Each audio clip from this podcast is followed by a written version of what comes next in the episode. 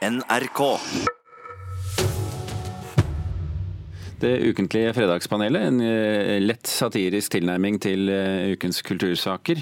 Vi har eh, med ekstremt pene mennesker i studio, også med oss i Tromsø til og med, på bildet, for de av dere som ønsker å se Fredagspanelet på TV. Ja. Velkommen til Egon Holstad, kommentator i, i Tromsø. Tusen takk.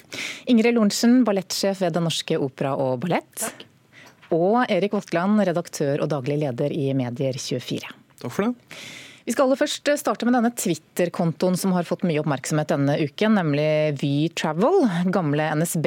Nå Vy har lagt ned den gamle kontoen sin på Twitter og startet en ny, men det er ikke den folk har strømmet til. Det er en parodi på den nye Vy-kontoen som har slått an. Vy Travel har nå mer enn ti ganger så mange følgere som den offisielle kontoen som heter Vy-gruppen, og er nå oppe i 15 000 800 akkurat nå. Jonas Ghanizade forteller hva som gjorde at han opprettet denne kontoen for å tulle med Vy. Kall det konsulentsvada, da, som er veldig sånn svulstig og uangripelig for vanlige folk da kunne rette kritikk mot. Så satte jeg de to sammen, frustrasjon over samferdsel og frustrasjon over språk, og så traff det tydeligvis veldig mange flere enn jeg hadde sett for meg. Ja, vi, vi syns ikke at det bare er gøy, og tidligere i uken tok en av selskapets advokater kontakt med Ghani Sade. Spørsmålet til panelet er er det greit å tulle med Vy? Vi starter i Tromsø. Man må være kommunikasjonsrådgiver eller direktør i Vy for å mene noe annet, så, så, så ja. Ja. ja. Ja, definitivt. Ok, Da får du starte, da, Egan, siden du um, Ja, nei, altså Jeg har jo sjøl skrevet en, en, kommentar om eh, det navneskiftet til Vy som er kalt for eh, verdens dyreste vits. For de betalte jo da 280 millioner for å gå fra det ærverdige, forståelige og høyst folkelig forankra navnet NSB. Og så er det da en liten helt oppe i Vadsø som bestemmer seg for å tulle med det her på Twitter. Og sånne Twitter-parodikontoer er, er jo kjempevanlige. Så blir da Vy så indignert at de pusser på en, en advokat uh, og føler seg krenka i, i sosiale medier, og, og, skjønner ikke da at de bare skrur seg enda mer ned i kvikksanda av uh, selvpåført uh, idioti. Så det her er jo sånn lag på lag på lag med ufrivillig utdriting av et allerede skandaløst merkevarenavn. Ja, nå sa jo vi i går at de ikke hadde til hensikt å pusse advokat på Ghanisade. Da. Det var, men, men, det var jo det de gjorde, og det sa de etter at de skjønte at det her kom veldig, de veldig dårlig ut. Så jeg tror ikke helt på den der 'det var ikke så alvorlig likevel'-taktikken deres. Ok, Ingrid Lorentzen, problemet her er vel at Vy Travel bruker logoen til Vy, da, og det kan jo lett skape forvirring? Det kan skape forvirring. Nå tror jeg man kaller seg Vy Not. Jeg er jo nå en av følgerne til Vy Travel. Det er jo en kjempeartig Twitter-konto. Virkelig så artig. Og det er jo det er, det er, det er dyr moro, det her. Definitivt. Men hvis du skal gå fra ingenting, da, som jeg begynner å skjønne at NSB ikke lenger drev, men den drev ikke med billetter, drev ikke med tog, drev ikke med skinner, drev ikke med en god del ting. Og hvis du skal gi ingenting et nytt navn, så kan jo vi kanskje være et greit kompromiss.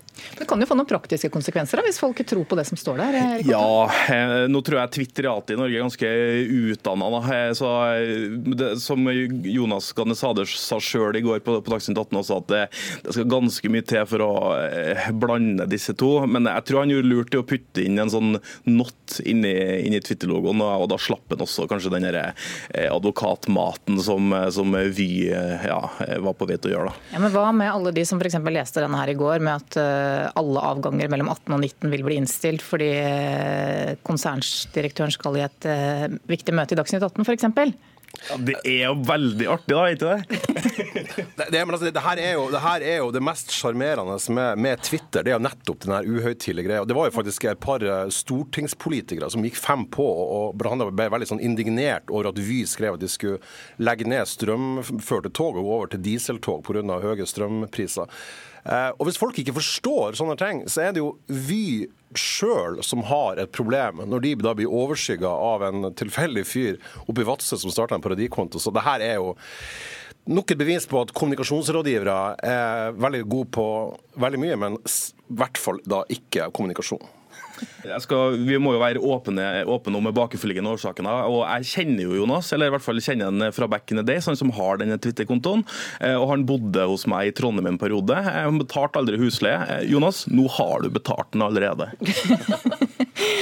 Men altså, Ingrid Lorentzen, er det like gøy da hvis noen f.eks. lager en satirekonto og tuller med Redd Barna eller Amnesty eller noen sånne grupper som mange heier på? Det er jo lett å tulle med Vy.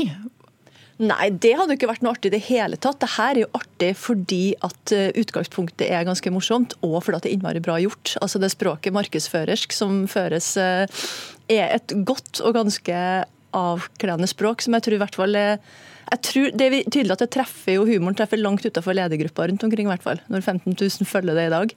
Så det er jo et artig utgangspunkt som gjør en artig Twitter-konto. Okay. Jeg synes det ville vært kjempeartig om noen tulla med Redd Barna og Amnesty også. ja, Det synes jeg? Ja, absolutt. Ja, okay. Men da vet vi at den sikkert dukker opp der oppe fra Tromsø Helt i løpet av noen få strakser, kanskje? til og med. Mm. mm. Vi kan jo ta med at vi, dersom du eh, vil følge den ekte kontoen til Vy, så heter den altså Vy-gruppen, ikke Vy Travel. Tidligere denne uken så kom eh, boken til den tidligere journalisten i Aftonbladet, Fredrik Virtanen, ut, både i Norge og i Sverige. Men forleggeren var norsk. Ifølge Virtanen selv var interessen for å gi ut boken i Sverige laber, men Gloria forlag i Norge ville gjerne gi den ut.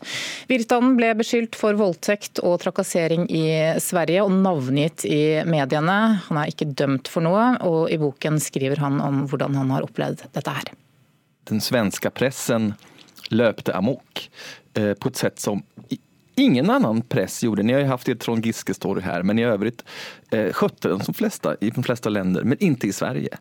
Ja, Er det bra at eh, norske forlag gir ut boken til Virtan når svenske forlag ikke vil ha den, Erik Vatland? Ja. Ja. Nei. ok, da får du første ord. Nei, altså Jeg tar jo ikke stilling til hvorvidt han er skyldig eller, eller ikke, men det er premisset i, i, i, spørsmålet. Altså Hvorvidt det er bra at ei bok kommer ut på et norsk forlag for at ingen svenske forlag ville gi det ut. Hvis det skulle være på en måte tankegangen, så måtte man jo synes at det var bra at ting kom ut, helt uavhengig av, av, av innholdet. Eh, og Så kan man selvfølgelig diskutere saken i seg sjøl, som, som, er en sak som fortsatt pågår. Men at, at det skal være en slags prisverdig greie at noe kommer ut på et norsk forlag pga. at svenske forlag ikke gjør det, det ser jeg ikke helt uh, logikken i. Det er jo også, også sånn at um, det å gi ut ei bok virkelig ikke er en menneskerett. Uh, og hvis det er sånn at uh, ingen av de 77 etablerte forlagene i Sverige ønsker å gi ut ei bok, så kan de jo også ha en grunn til det annet enn berøringsangst. Så nei, jeg syns ikke det er noen grunn til å applaudere at det kommer ut i Norge i seg sjøl. Ingrid Lorentzen?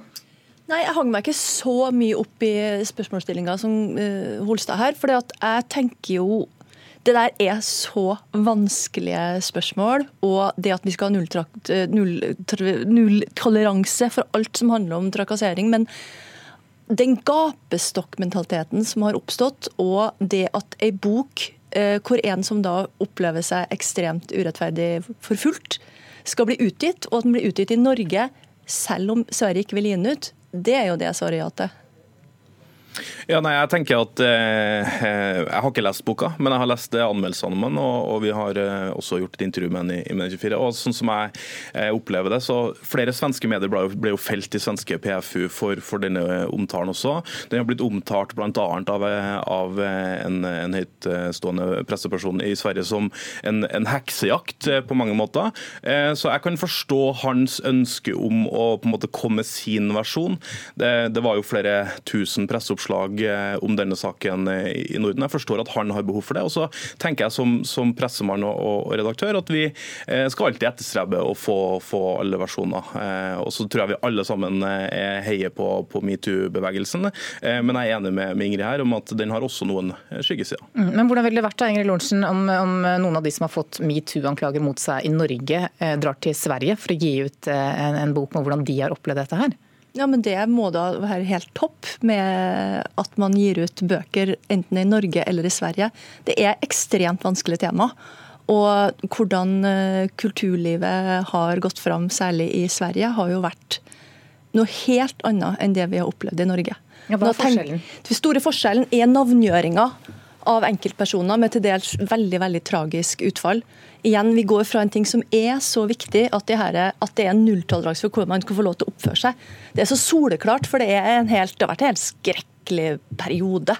Lang, lang tid. Så det er så riktig. da, Men det, at, det der at man gjør en sånn riktig bevegelse, ender over i eh, i at, eh, at, du skal kunne offentliggjøres fullt. Det tenker jeg f.eks. på Statsteaterens leder, som eh, ikke makta det det er alvorlige ting. Han makter ikke de anklagene, de anonyme anklagene som kan føre til at enkeltpersoner henges ut. Vi må skille mellom to ting. Altså, jeg er jo veldig enig i at, at metoo-bevegelsen har uh, har vært en, en, veldig positiv greie. For at det den i hovedsak handler om, er jo at, at, varslere skal bli tatt på alvor. Det er selvfølgelig helt topp. Uh, men jeg, jeg, vet ikke om altså, sånn, Skyldspørsmålet her aner jeg ingenting om. Uh, og Det gjør jo ingen andre her i panelet. Og, og, Saken er jo fortsatt under etterforskning, noe som også har blitt veldig kritisert med at den boka kommer ut midt mens saken fortsatt pågår i, i rettssystemet.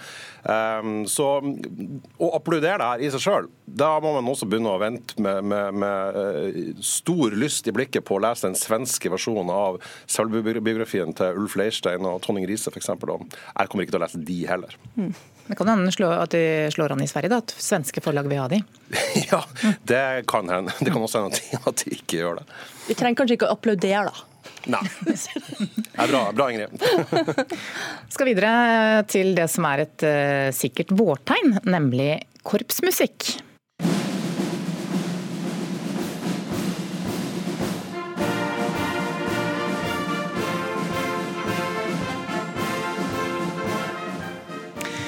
I disse dager så er korps over hele landet ute og marsjerer og øver seg til 17. mai, og mange fikk en forsmak denne uken på 1. mai. Men det som er like sikkert som at eh, korpsene marsjerer rundt i boligområder og langs veiene, det er at noen høylytt må si fra om at de ikke er så begeistret verken for musikken eller aktiviteten generelt. Og spørsmålet til panelet er er korpsmusikk vakkert? Definitivt ikke.